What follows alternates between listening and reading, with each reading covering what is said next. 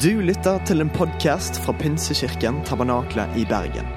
Vi tror at kirken skal være en plass hvor mennesker trives gjennom alle livets faser. En kirke for hele livet.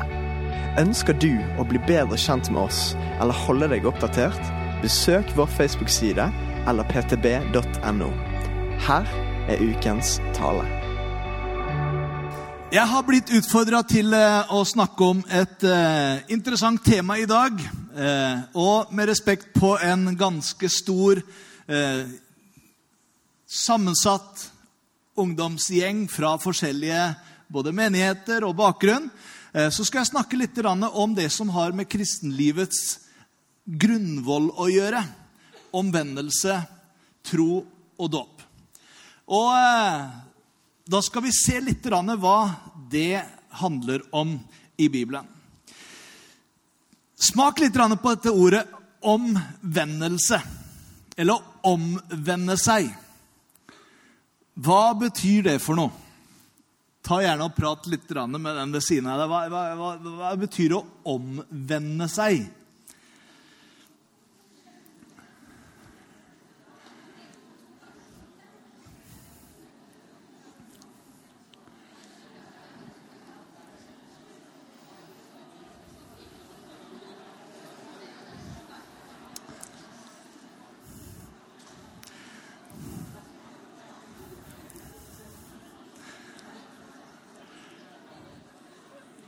Et veldig bra skilt som kanskje kunne belyse litt grann hva omvendelse er. Jeg vet ikke om du har kommet til en sånne kryss av og til hvor det står en sånn pil som liksom bare går hele veien rundt. Det er, her er lov å snu. Helomvending. Altså, det er å omvende seg. Nei, det betyr Da, da er den helt rund.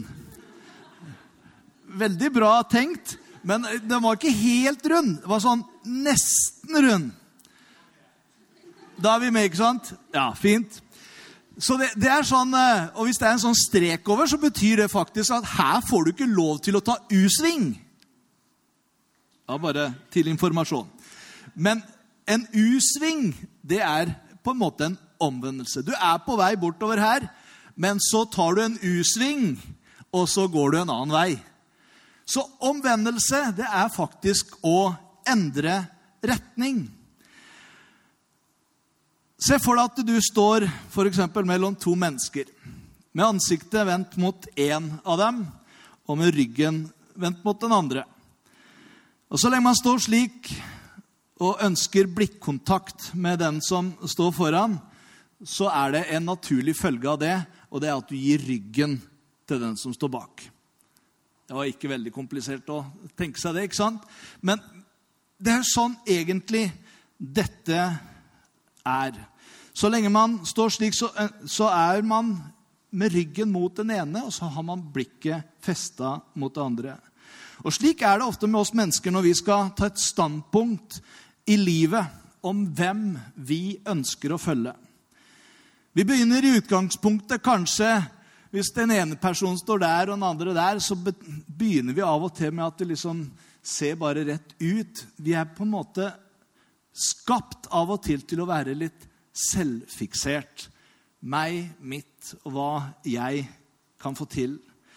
Vi ønsker å dyrke oss selv og ser av og til ikke problem med det.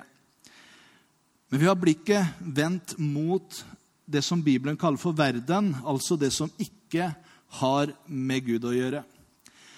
Og det som ikke har med Gud å gjøre, det blir på en måte litt motsatsen hvis du var innom på eh, storsøndag i formiddag. Da snakka Ida, barnelederen vår, hun snakka om frukt. Ja, vi lagde fruktsalat her. Eh, det var ikke noen sånne macheter som gikk eh, og slo frukten, men hun hadde med her juksa litt, sa hun. Eh, hun har sikkert lært på TV.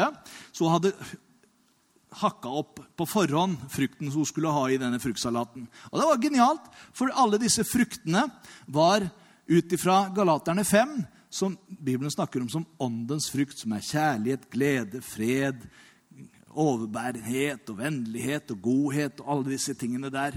Men motsatsen til det er det som Bibelen kaller for det som er kjødets gjerninger, eller det som på en måte blir verden, som Bibelen også nevner det som.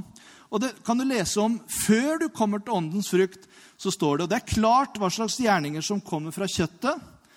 Hor, umoral, utskeielser, avgudsdyrkelse, trolldom, fiendskap, sjalusi, strid, sinne, selvhevdelse, stridigheter og splittelse, misunnelse, fyll, festing og mer av samme slag. Har jeg sagt det før, og jeg sier det igjen, de som driver med slik, skal ikke arve Guds rike, skriver Paulus. Og der står vi på en måte et syn, med et syndig hjerte som trenger både nåde og tilgivelse. Jeg har vært der, og jeg tror vi alle har vært der.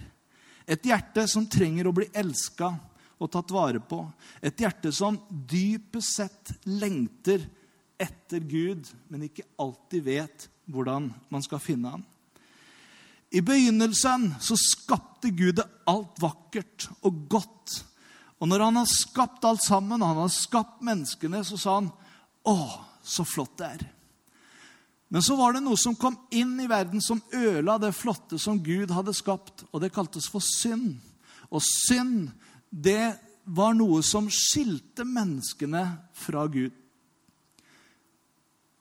Helt siden da så ønska Gud fellesskap igjen med menneskene.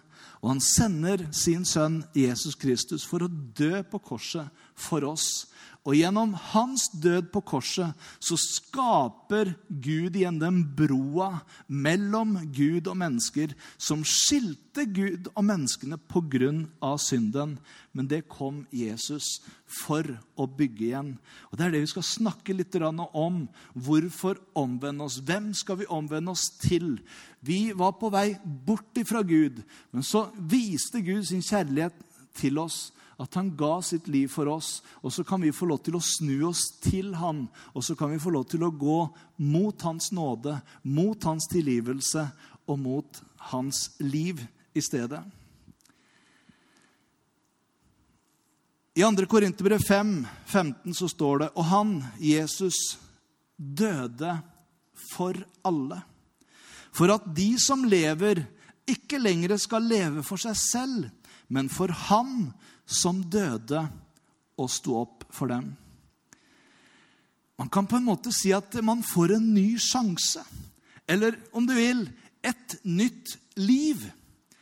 Dette kom en fariseer til Jesus en dag, og han sier, 'Jesus, vi vet du er en lærer som har kommet fra Gud.' 'For ingen kan gjøre de tegn og under du gjør, hvis ikke Gud er med han.' Og han på en måte liksom skulle innynde seg litt hos, hos Jesus. Og så sier Jesus til denne fariseeren Vi kan lese om det i eh, Johannes kapittel 3, og fra vers 3 tar vi. Jesus svarte sannelig, sannelig, jeg sier deg, den som ikke blir født på ny, kan ikke se Guds rike. Hvordan kan en som er gammel, bli født? sier Nikodemus. Kan noen komme inn i mors liv igjen og bli født for annen gang? Jesus svarte, sannelig, sannelig, jeg sier deg, den som ikke blir født av vann og ånd, kan ikke komme inn i Guds rike. Det som er født av kjøtt, er kjøtt, men det som er født av ånd, er ånd. Undre deg ikke over at jeg sa til deg, dere må bli født på ny. Og Så spør Nikodemus, hvordan kan dette skje? Og så forteller Jesus nettopp det han hadde kommet for å gjøre. Og Han bruker et bilde fra Det gamle testamentet, for ennå var ikke Jesus gått til korset for å dø for våre synder. Men allerede lenge før dette hendte, så hadde profetene profetert om at det skulle skje. Og så var det bilder i Det gamle testamentet som også viste hvordan dette kom til å skje. Og Jesus kjente til skriftene fra Det gamle testamentet, så han sier videre.: Slik som Moses løftet opp slangen i ørkenen. Slik må menneskesønnen bli løftet opp. Hva var den slangen for noe? Jo, det var sånn at det, menneskene de hadde blitt bitt av giftige hoggormer, av, eh, av slanger. Eh, og de holdt på å dø, alle sammen. Og da er da de roper til Gud og sier, Fins det ingen redning? Fins det ikke noen måte vi kan bli redda på? Og så sier Gud til Moses du skal sette opp en påle, og på den pålen skal du sette en slange. Kan du lure på hvor de har fått ideen fra til eh, apotekene ikke sant? med pålen og slangene? Det kan, kan jo komme derfra. Og så sier Gud at alle som ser på den pålen, de vil redde livet. Og så er det akkurat som Jesus bruker dette bildet, og så sier han på samme måte som Moses løftet denne slangen opp i ørkenen, slik må menneskesønnen Hvem er det? Jo, Jesus blir løftet opp for at hver den som tror på ham, skal ha evig liv. For så høyt har Gud elsket verden, at han ga sin sønn den enbårne, for at hver den som tror på ham, ikke skal gå fortapt, men ha evig liv. Gud sendte ikke sin sønn til verden for å dømme verden, men for at verden skulle bli frelst ved ham. Frelst er et, egentlig et ganske norsk ord. Det er 'saved', 'reddet', har du på engelsk. Men frelst Interessant når jeg leste opp litt hva egentlig det kom fra, det ordet 'frelst', så betyr det egentlig 'frihalset'. Visste du det? At frelst kommer fra frihalset. Og det stammer fra den tida hvor eh, slavene hadde sånne der svære eh, jernbånd rundt eh, halsen. Så de liksom dro det med seg hit og dit, for de var jo slaver. Men når de blir kjøpt fri fra slaveriet, så ble de bånda tatt av, og så ble de frihalset. Altså frelst. De ble redda, og det var ingen som på en måte kunne ta eierskap i dem lenger. De var fri. Og Det er det uttrykket som eh, på norsk vi har tatt i forhold til frelst. Og Det er et bra bilde i forhold til Jesus også. Den som tror på ham, blir ikke dømt. Og den som ikke tror, er allerede dømt fordi han ikke har trodd på Guds enbårne sønns navn. Og dette er dommen, at lyset kom til verden, men menneskene elsket mørket høyere enn lyset fordi deres gjerninger var onde. For den som gjør det onde, hater lyset og kommer ikke til lyset for at hans gjerninger ikke skal bli avslørt. Men den som følger sannheten, kommer til lyset, så det skal bli klart at hans gjerninger er gjort i Gud. Et menneske som har vendt om,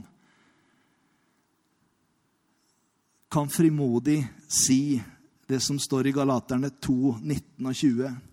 Jeg er korsfestet med Kristus. Jeg lever ikke lenger selv, men Kristus lever i meg.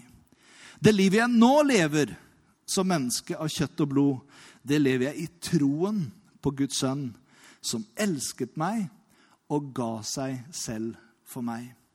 Og Jeg har lyst til å ta med dette, for det vil du gjøre at du forstår litt bedre det vi skal snakke om etterpå. Det å bli frelst, det å ta imot Jesu nåde Vi fortjente egentlig døden pga. våre synder. Men så er det akkurat som han korsfestes for vår skyld. Og så er det som Paulus sier her, jeg er korsfestet med Kristus. Nå lever jeg ikke lenger selv, men jeg lever i troen på Han. Jeg har gitt avkall på det å gå min egen vei, men nå vil jeg gå hans vei. Jeg har vendt om og ønsker å følge hans liv for meg i stedet. Når Jesus skal fortelle om dette til folk rundt seg, så forteller han en gang han var sammen med folk, en lignelse, en fortelling som ikke var en sann fortelling, men en påfunn, en historie, for å forklare hvordan Gud er. Og så forteller han denne flotte historien i Lukas 15 om den gode far eller den bortkomne sønn eller den sønnen som kom hjem. De har forskjellige navn, men eh, poenget er det samme. Det var en gutt som bodde hjemme hos far sammen med sin bror. Og En dag så kommer han til far og sier, 'Gi meg den delen av arven som tilhører meg.' Og så står det at far han ga han den delen av arven må ha vært med tungt hjerte, for man, man, gir jo liksom ikke bort arven før man er død. Men eh, han var veldig og ville liksom 'Jeg vil ha min del, og jeg vil ikke være her lenger'. Og så står det at han fikk sin del av arven, og så gikk han til et land langt borte, og der sløste han bort alle sine eiendeler i et vilt liv. I Nye oversettelsen så står det 'i fest og fyll'. Og brukte opp alt sammen som han hadde. Og så kommer det en stor hungersnød på det stedet, sier han. Og ingen ga han noen ting. Tenk at det er jødene han snakker til, og jødiske og, og griser det henger jo ikke veldig bra i hop. Eh, akkurat som muslimene. Så den jobben han fikk, det var faktisk å røkte griser. Det var det laveste, mest Altså Det var ikke noe verre jobb han kunne få. Men den tok han for å overleve. Og så står det at ingen ga ham noe, så han bare lengta etter å få spise maten sammen med grisene. Så lavt hadde han kommet. Men så står det at Jesus forteller historien, og så sier han Men så kommer han til seg selv. Der har du omvendelsespunktet. Hvor han begynner å tenke Hva hadde jeg der hjemme hos far? Tenk hvordan jeg hadde det der. Tenk at jeg gikk bort ifra min kjære far til dette livet som jeg nå har. Og så begynner han å tenke, og så angrer han på det valget han har tatt. Og så vender han om. Han bestemmer seg først for å begynne på hjemreise. Han kommer til seg selv. Han kommer til sans og samling, står det i en annen oversettelse. Og så tar han et valg basert på det. Jeg vil vende hjem, og jeg vil si til min far. Og han skjønte det at han hadde misbrukt sine sjanser, så han ikke han ville ikke kreve for mye, så han sier, 'Far, hvis jeg bare får lov til å være som en av dine tjenere' Men så vet du, du som har lest historien, hvordan det ender. Denne sønnen kommer hjem, og far står på tunet og venter. Og Han har venta der kanskje hver eneste dag siden sønnen dro. Og når sønnen kommer, så står det at far han løper oppover eh, veien eller stien. Og så kaster han seg om halsen på denne gutten som lukta gris og møkk og alt som var. Og så kysser han han, og så elsker han han så høyt. Og så begynner sønnen å unnskylde seg. 'Far, jeg har syndet mot himmelen og mot deg.' 'Jeg fortjener ikke lenger å være din sønn.' Og lenger kommer han ikke. For far roper til tjenerne, 'Hent nye klær. Hent sko på føttene. Hent ringen som han hadde på fingeren, som betydde at han var sønn og ikke en tjener.' Alt fikk han tilbake fordi Gud, denne far elsket han så inderlig. Og så sier han, 'Denne min sønn var død, men har blitt levende igjen.' 'Han hadde kommet bort, men nå har han vel hjem igjen.' Og så begynte festen og gleden. Og så kunne vi tatt historien om broren. Den kan vi ta en annen gang. Men poenget til Jesus her var å fortelle hvordan Gud er. At Gud han elsker når vi vender oss tilbake til han, vender oss bort fra et liv i synd og tilbake til han. Så står ikke han som en dommer og liksom skal lese opp rettighetene dine. liksom At 'nå har du rota det til, og nå får du ta følgen av det og det'. Men han er en kjærlig far som bare elsker å tilgi når vi kommer tilbake til han. Og Denne historien forteller Jesus for å fortelle hva omvendelse handler om. Legg merke til fars holdning når sønnen kommer hjem. En kjærlighet til sønnen som bare strømmet ut av hjertet hans. Og etterpå så dro de i gang en skikkelig grillfest. Ja, du har lest det? Hent gjøkalven slakt den. og så Det var ikke mye miljøvennlig der, kanskje, men uh, det var noe sånn der. Og jeg, jeg er glad i kjøttsøl, så jeg skal gjerne Det er sikkert ingen andre her. Vet du hva? Har du vendt deg bort fra Gud, hvorfor ikke vende deg til Gud igjen? Jeg har lyst til å si at Gud han er ikke der for å ta deg for ting du har gjort, men han er en kjærlig far som bare lengter etter at du skal komme hjem, og lengter etter å si 'velkommen hjem'. Gud er en sånn kjærlig og god far som venter deg og ønsker å vise seg sin godhet, sin nåde, uansett hvor mye du føler at du har svikta eller rota det til i livet ditt. Omvendelse, det er noe godt. Det er en start på en vei hjem igjen. Og Derfor så snakker også Peter på pinsedag, så sier han, 'Omvend dere og la dere døpe'. Omvendelse og tro handler om det samme. Først så omvender du deg, så tror du på Jesus, og så begynner du på vei til han, og han ønsker å tilgi deg. Bare noen spørsmål til refleksjon. Hva er omvendelse? Jo, jeg tror at omvendelse er en endring først og fremst av tankemåte. Han kom til seg selv. Det er også en beslutning om å endre retning. Det betyr ikke at du er fullkommen, men det betyr at du ønsker å begynne en vei tilbake. Og så vet vi at livet med Gud, så ønsker han å endre oss til å bli mer og mer lik han.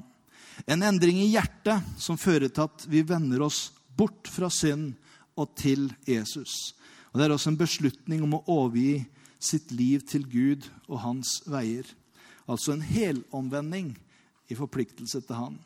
Når Paulus skal oppsummere hans tjeneste og hans kall, så sier han i Apostlenes gjerninger 26, 18, Jeg sender deg, det er Gud som kaller han, til dem for å åpne øynene deres, så de kan vende om fra mørke til lys, fra Satans makt og til Gud, og ved troen på meg få tilgivelse for syndene og arvelodd sammen med dem som har blitt helliget.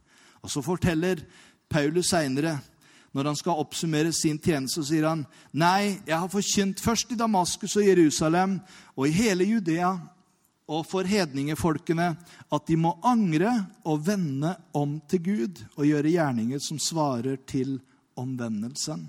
Finner vi disse uttrykkene. Og hvilke to ting må den urettferdige gjøre jo, i Jesaja 55, 7 så står det den urettferdige skal vende seg bort fra sin vei, ugjerningsmannen fra sine tanker, og vende om til Herren, som vil vise barmhjertighet, og til vår Gud, for han er rik på tilgivelse. Et herlig uttrykk. Rik på tilgivelse. Og hva vil Gud gjøre for den personen som gjør de ting som er nevnt? Jo, han vil vise barmhjertighet, står det. Et flott ord. Og hva er himmelens reaksjon når en synder vender om? Det står i slutten av denne historien. Etter at de hadde laga fest hjemme hos far, så sier Jesus, Lukas 15, 7, jeg sier dere på samme måte blir det større glede i himmelen over en synder som vender om, enn over 99 rettferdige som ikke trenger omvendelse. Så om du omvender deg og blir frelst, hva skjer med dine synder da? Apostlenes gjerninger 3, 19. Det blir noen vers så du får med deg i dag. Så må du gjerne slå dem opp etterpå. Vil du, så kan du komme, skal du få alle versa av meg. Angre derfor og vend om, så syndene deres kan bli strøket ut. Noen som har hørt denne fine sangen 'Du skal få en dag i morgen'? Det var en som sa det sånn. Jeg vet ikke om det står i Gamle eller Nye testamentet, men jeg er helt sikker på at det var Paulus som sa det sånn. Som blank og ubrukt står med, far, med blanke ark og fargestifter til. Altså, Det er litt sånn Jeg tror at han opplevde hvordan egentlig omvendelse var, å bli tilgitt sine synder. Det er akkurat som du får nye ark, du får nye farver. Så kan du begynne å bygge livet ditt igjen sammen med Jesus. Så dåp Hva kommer dåpen inn i bildet i forhold til det vi har snakka om nå? Og Jeg har lyst til å dele litt utdrag bl.a. fra Egil Svartdal, en kjent eh, TV-figur som blir kalt også for TV-pastoren. Eh, vi har hatt litt dette sammen i noen settinger. Og den kristne dåpen, for å ta litt historikk om den, den ble innstiftet av Jesus etter oppstandelsen. Når han sender ut disiplene og gir dem misjonsbefalingen, som vi leser om i Matteus 28. Der hvor det står 'Gå derfor ut og gjør alle folkeslag til disipler'. Døp dem til Faderens og Sønnens og Den hellige ånds navn. Så misjonsbefalingen kan vi på en måte si også er en dåpsbefaling. Og dåpen er en lydighetshandling. Ingen av oss, uansett dåpssyn, kan egentlig tillate oss å behandle dåpen som en bagatell. Det er en viktig del av omvendelse og tro. Når Vår Herre har gitt oss en befaling, så er ikke det en sånn om du har lyst, men en befaling. Det er på en måte en kommando. Han vil at vi skal avlyde det, selv om vi ikke fullt ut forstår betydningen av alt det han sier. Den som formidler den, enten det er her fra plattforma eller i Life-gruppa, og den som tar imot evangeliet, er like forplikta på at vi skal lyde det som Bibelen sier at Eller Jesus ber oss om å gjøre. Og Det er noe grunnleggende galt når eh, kristne forholder seg til kanskje dåpsbefalingen som noe som ikke er så viktig, eller antyder at eh, det kan vi gjøre som vi vil med. Apostlene de etterlater ingen tvil om at dåpen var noe som var naturlig, som var en følge av omvendelse og tro, og ikke valgfritt for dem som tok imot frelsen i Jesus Kristus. Da den første hedningen kom til tro i Kornelius' hus, så står det at Peter forkynte evangeliet for dem. Og mens han talte til dem, så kom Den hellige ånd og fylte de som var i huset. Og det som Peter da sier klart etter det, da står det i Apostlenes gjerninger 10,48, så bød han at de skulle døpes i Jesu Kristi navn. La meg bare ta litt historisk bakgrunn i forhold til dåp. Det fins ulike skal vi kalle det for overgangs- eller renselsesritualet i alle religioner. Og Bibelen omtaler flere former for dåp som vi ser både i Det gamle testamentet og noe i det nye. Vi leser f.eks. om jødiske renselsesbad allerede i Moseloven, som var symbolske bad. Eh, når de skulle f.eks. opp til tempelet, så måtte de vaske seg. Det var et sånt fat med speil i bånn som de på en måte vaska seg rene før de skulle inn i det aller helligste. Det ble også kalt for en type dåp den gangen. Så den eh, såkalte proselyttdåpen, som var en overgangsdåp for hedningene som skulle over til jødedommen. Eh, da måtte de gjennom et bad, et renselsesbad, og så måtte de også gjøre noen andre ting som jødene hadde i sine regler for å bli jøder hvis de var hedninger. Så det kalte man for en proselyttdåp.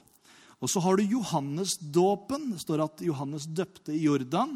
En omvendelsesdåp fra syndene til Messias. Og så har du Jesu dåp, som er på en måte en særstilling. Som eh, ikke trengte å døpe seg fordi at han var synder, men det var på en måte en innvielsesdåp til hans frelsesgjerning. Og den kristne dåp, som vi tror på har sin bakgrunn i mye av denne historien. Og så er det sånn at I Norge så er det ulike dåpssyn. Det er i hovedsak tre dåpssyn i den kristne kirke i Norge. Du har den katolsk-lutherske dåpssynet, der barnedåp praktiserer for at barnet skal bli Guds barn ved dåpen. Og så har du den metodistiske, som praktiserer også barnedåp, eh, men de døper barna fordi de er Guds barn. Og Den vanligste dåpsform i disse kirkene det er overøsing eller bestenkelse med vann. Og Så har du den baptistiske dåpssyn, det som også vi pinsevenner bekjenner oss til. Hvor man døper mennesker som har kommet til tro på Kristus med fyll neddykkelse som vi kaller for troenes dåp. For oss så blir det litt misvisende å bruke betegnelsen som barnedåp eller voksendåp. Man bruker gjerne det liksom, ja, hva har dere for noe? Har dere barnedåp eller voksendåp? Eh, og da pleier jeg å si vi har ingen av delene. Vi har troende dåp. Ja, men Det høres litt fromt ut, men det er egentlig fakta. Det er jo det vi har. Eh, vi tror at alle barn er født Guds barn. I formiddag så hadde vi barnevelsignelse her, og derfor så praktiserer vi også det. Eh, og mange menighetsbarn kommer ofte til åndelig bevissthet i sånn cirka konfirmasjonsalderen. Og Derfor er det ikke uvanlig at mange lar seg døpe tidlig i tenåra. Den religiøse lavalder i Norge er 15 år. Da kan barn sjøl velge om de ønsker å melde seg inn i et kirkesamfunn eller ønsker å døpe seg av egen vilje. Og Før det så må de ha da underskrift av sine foreldre til å gjøre det. Det er loven i Norge. Og Selv om vi i apostlenes gjerninger finner fenomenet gjendåp også av dem som eh, bare var døpt med Johannes' dåp Du leser om det i, Johannes, i apostlenes gjerninger 19. Så er det ikke på en måte rett betegnelse på vår dåpspraksis. For vi forutsetter at de som lar seg døpe som troende, er bevisst at de ikke allerede er døpt med den måten som Bibelen omhandler. Det er den undervisningen, den troen, som da den baptistiske dåpssynet har. Så la oss se litt på dåpens forutsetning. Alle eksempler på dåp i apostlenes gjerninger er dåp av mennesker som hadde kommet til tro på Jesus og omvendt seg. Står bl.a. i apostlenes gjerninger 12, nei, 8. Når Philip er i Samaria, så står det der i vers 12.: Men da de trodde Philip, ble både menn og kvinner døpt. Og I Apostlenes gjerning 8.37 så står det Det er her hvor eh, samme Philip treffer hoffmannen eh, på vei nedover til Etiopia, den etiopiske hoffmannen. Og han sitter der og leser fra Jesajas bokrull om lammet som ble slaktet, og, og, lurer på hvem er det? Snakker han om seg sjøl eller om en annen? Eh, og så har Den hellige ånd liksom leda Philip dit for at han skulle da forklare evangeliet for denne etiopiske hoffmannen. Og ut ifra dette skriftet så deler han evangeliet med denne hoffmannen. Og deler også om tro, omvendelse, om dåp. Og det skjønner du ut ifra sammenhengen, for plutselig så ber den etiopiske hoffmannen om å stanse vogna og sier, 'Her er vann! Hva er til hinder for at jeg kan bli døpt?' Og Det er da Philip sier disse ordene, 'Hvis du tror av hele ditt hjerte, kan det skje.' Apostlenes gjerninger 8,37. Det er verken troen eller dåpen som frelser oss. Det er det bare Jesus Kristus som gjør. Efeserne 2,8 så står det For av nåde er dere frelst ved tro. Det er ikke av dere selv, men det er en Guds gave. Så troen er en gave vi får ifra Gud. Og Et viktig spørsmål blir da hvem kan tro? Og På samme måte som troen og omvendelsen er en forutsetning for dåp, så er også forkynnelsen en forutsetning for å kunne tro. Romerne 10, 14 så står det hvordan kan de tro på Han som de ikke har hørt om? Og så står det videre hvordan kan de høre hvis det er ingen som sender dem ut? Vi snakka nettopp om misjonærene som er utsendt for å dele evangeliet. Og så står det etterpå Så kommer da troen av det en hører, og det en hører, kommer ved Guds ord. Så hvis jeg troen har også sin forankring i at man hører Guds ord, tar imot Guds ord og tror i sitt hjerte. Så vi kan på en måte si at dåpens innhold blir dette. Bibelen bruker mange bilder og betegnelser på dåpen. Den baptistiske dåp. At det er som en diamant med kanskje mange forskjellige fasetter. Og under alt ligger en paktstanke. I dag så snakker vi ikke så mye om pakt, vi snakker om avtaler. Og, men en pakt var noe som ikke kunne brytes. Akkurat som eh, et ekteskapspakt er jo kanskje det nærmeste vi kan tenke på når det gjelder ordet pakt, hvor man lover hverandre troskap til døden skiller oss ad. Det var sånn en pakt fungerte. Var, den kunne ikke brytes av noen av partene. Og sånn var det. Og det er en pakt som Gud har inngått med oss. Og Dåpen omtales som en innvielse, som en omvendelse, som en bekjennelse, som en begravelse Vi skal se litt på det, en oppstandelse, men også en ikledelse. Det er litt rart navn, kanskje, men det er å kle på seg. Altså ta på seg Kristi liv. Det har med dåpen å gjøre også. Og Dåpen markerer en overgang fra det gamle til det nye. Og det er en omvendelseshandling, en del av tro og dåp i forhold til omvendelse. Og På første pinsedag så står Peter fram i Jerusalem og så sier han, 'Omvend dere og la dere døpe'. Når vi kommer til tro på Jesus og omvender oss fra vår synd, så begraves det gamle livet i dåpsgraven. Skulle gjerne ha åpna opp for dere, så dere kunne sett eh, dåpsgraven der. Men dere er velkommen neste søndag. Da skal vi ha dåp, så da kan dere se hvordan det er. Men vi har en liten videosnutt, har vi ikke det? så du kan se hvordan det er når vi av og til døper ute i det fri. Og vi har fått lov til å vise denne her av en fantastisk jente som døpte seg her for et par år sia.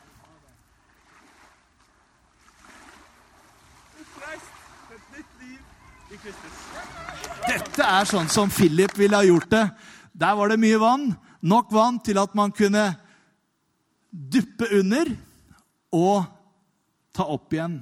Og Det er nettopp det som er bildet på dåpen som blir brukt bl.a. i Romerne 6 som en begravelse. Derfor skulle dåpen også foregå der hvor det var nok vann, så man kunne begrave. Så er det ikke sånn at vi holder dem under liksom, til liksom, de er ordentlig døde. Nei da. Vi bare liksom, dupper dem ned og rett opp igjen. Det var en sånn en liten vits det som gikk opp med en som de kalte for Pinse-Isak oppi Karasjok. De holder dem under til de ser Jesus, han. Men det gjør vi jo ikke. Det gjør vi jo absolutt ikke. Da kan vi jo virkelig snakke om begravelse, men eh, det er ikke sånn det foregår. Så dypest sett så er dåpen en begravelse av et menneske som har vært åndelig død og har levd for seg selv og sine egne interesser. Og I den første delen av Romerne 6 så underviser Paulus om dåpens plass mellom det gamle og det nye livet. Og Når dåpskandidaten står opp fra dåpsgraven, så synliggjøres også oppstandelsen. Det er det som er det fantastiske, flotte bildet i dåpen. Når Paulus skriver at 'jeg er død med Kristus', 'jeg lever ikke lenger selv, men nå lever Kristus i meg', så er det klart at et menneske som er død Hva gjør du med døde mennesker? Jo, du begraver dem. Men så vet vi at akkurat som Jesus ikke ble i graven, men sto opp igjen fra de døde, så er det det fantastiske bildet i dåpen. Jeg er død med Kristus, jeg er begravet med Kristus, og jeg får lov til å stå opp igjen til et nytt liv sammen med Kristus. Og Det er det Paulus skriver om i Romerne. For at slik som Kristus ble oppreist fra de døde ved Faderens herlighet, slik skal også vi vandre i et nytt liv. Og Derfor så når vi har dåp, så sier vi eh, på Jesu Kristi befaling og på din egen tro og bekjennelse, så døper jeg deg til Jesus Kristus i Faderen, Sønnen og Den hellige ånds navn.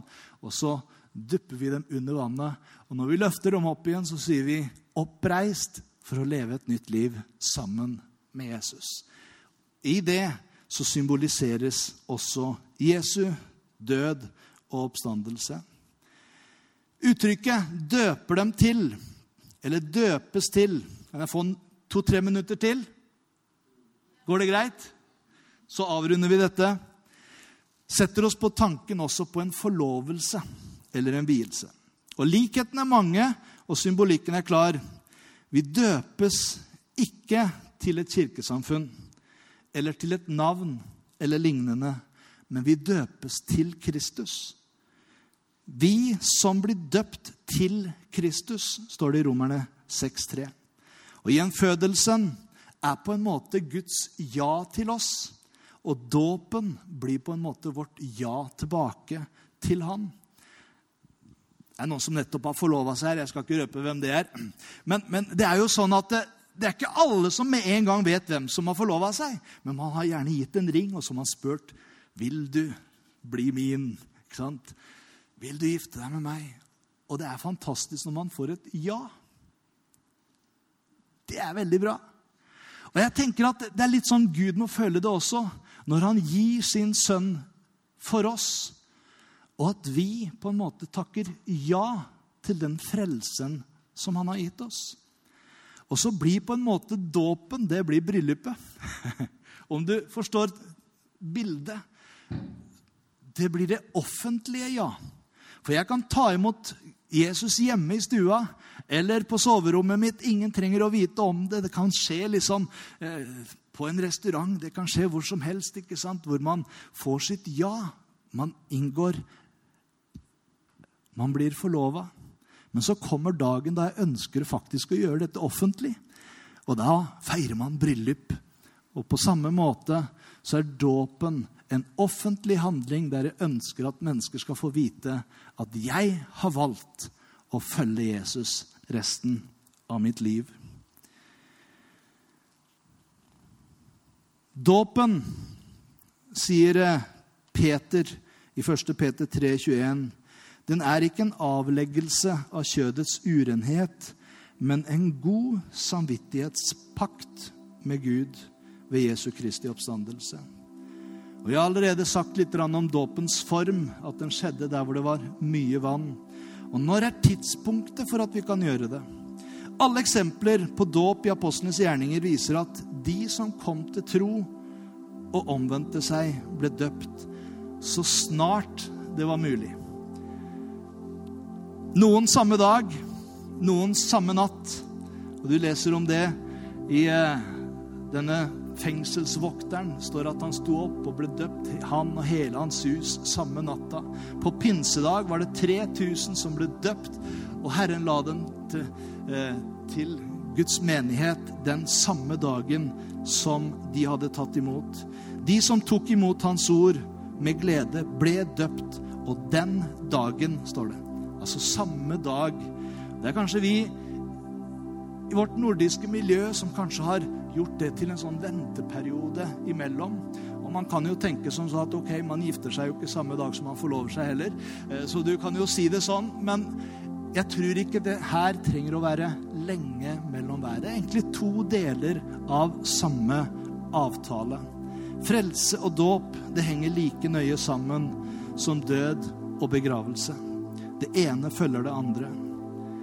Men Jeg skulle ønske at vi alle våre former for innbydelse til frelse og med håndsopprekning, eller at vi inviterer dem til forbønn, kunne vært av og til byttet ut med en overgivelse og en bekreftelse med dåp. Vi får jo kanskje tenke på det når vi skal ha nytt lokale, at vi må ha en sånn dåpskum som alltid er vann i. Så det er lett å liksom gjøre noe med det. Og Jeg har lyst til å bare si helt til slutt Kirkehistorien er dessverre rik på eksempler på mennesker som måtte lide og dø for sin overbevisning om dåp, av troende med full neddykkelse.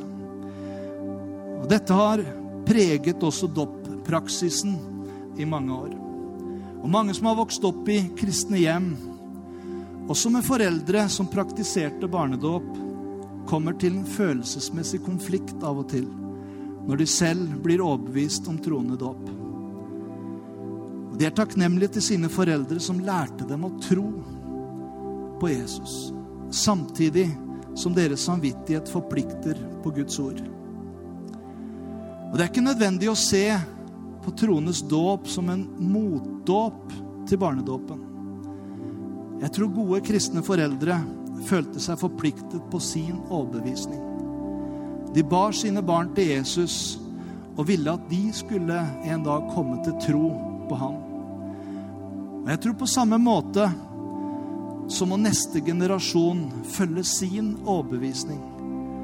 Og da kan de se på trones dåp som en fullgjørelse av det foreldrene begynte. Og jeg tror det går an å bli døpt som troende i takknemlighet til foreldre som trodde på barnedåpen. Et oppbrudd er ikke det samme som et opprør, men det er et valg jeg tar på basis i hva jeg ser Guds ord sier. Jeg avslutter igjen, og vi kan stå opp sammen. Peter svarte dem, vend om og la dere døpe Jesu Kristi navn, hver og en av dere, så dere kan få tilgivelse for syndene og dere skal få Den hellige ånds gave. De som tok imot hans budskap, ble døpt, og den dagen ble det lagt til omkring 3000 mennesker. Det starter med tro på Gud. Det starter med en omvendelse og det å gi sitt liv til Han. Kanskje dette er din kveld der hvor du skal få lov til å vende deg til Han. Kanskje du har gått din egen vei. Du har mange bommerter i livet. Kanskje det er ting du angrer på som du ikke ville ha gjort. Jeg har lyst til å si deg at du har en far som venter hjemme. Og han har venta siden den dagen du valgte å gå bort ifra han. Kanskje denne dagen er den dagen du skal få vende om og begynne å begi deg hjemover til din far, som elsker deg, som har gitt sin sønn for å dø på korset for din synd og min synd. Av nåde er vi frelst ved tro. Og du kan få lov til å ta imot den nåden i dag. Du kan få lov til å ta imot hans gave til deg. Frelsens gave. Og det er gratis.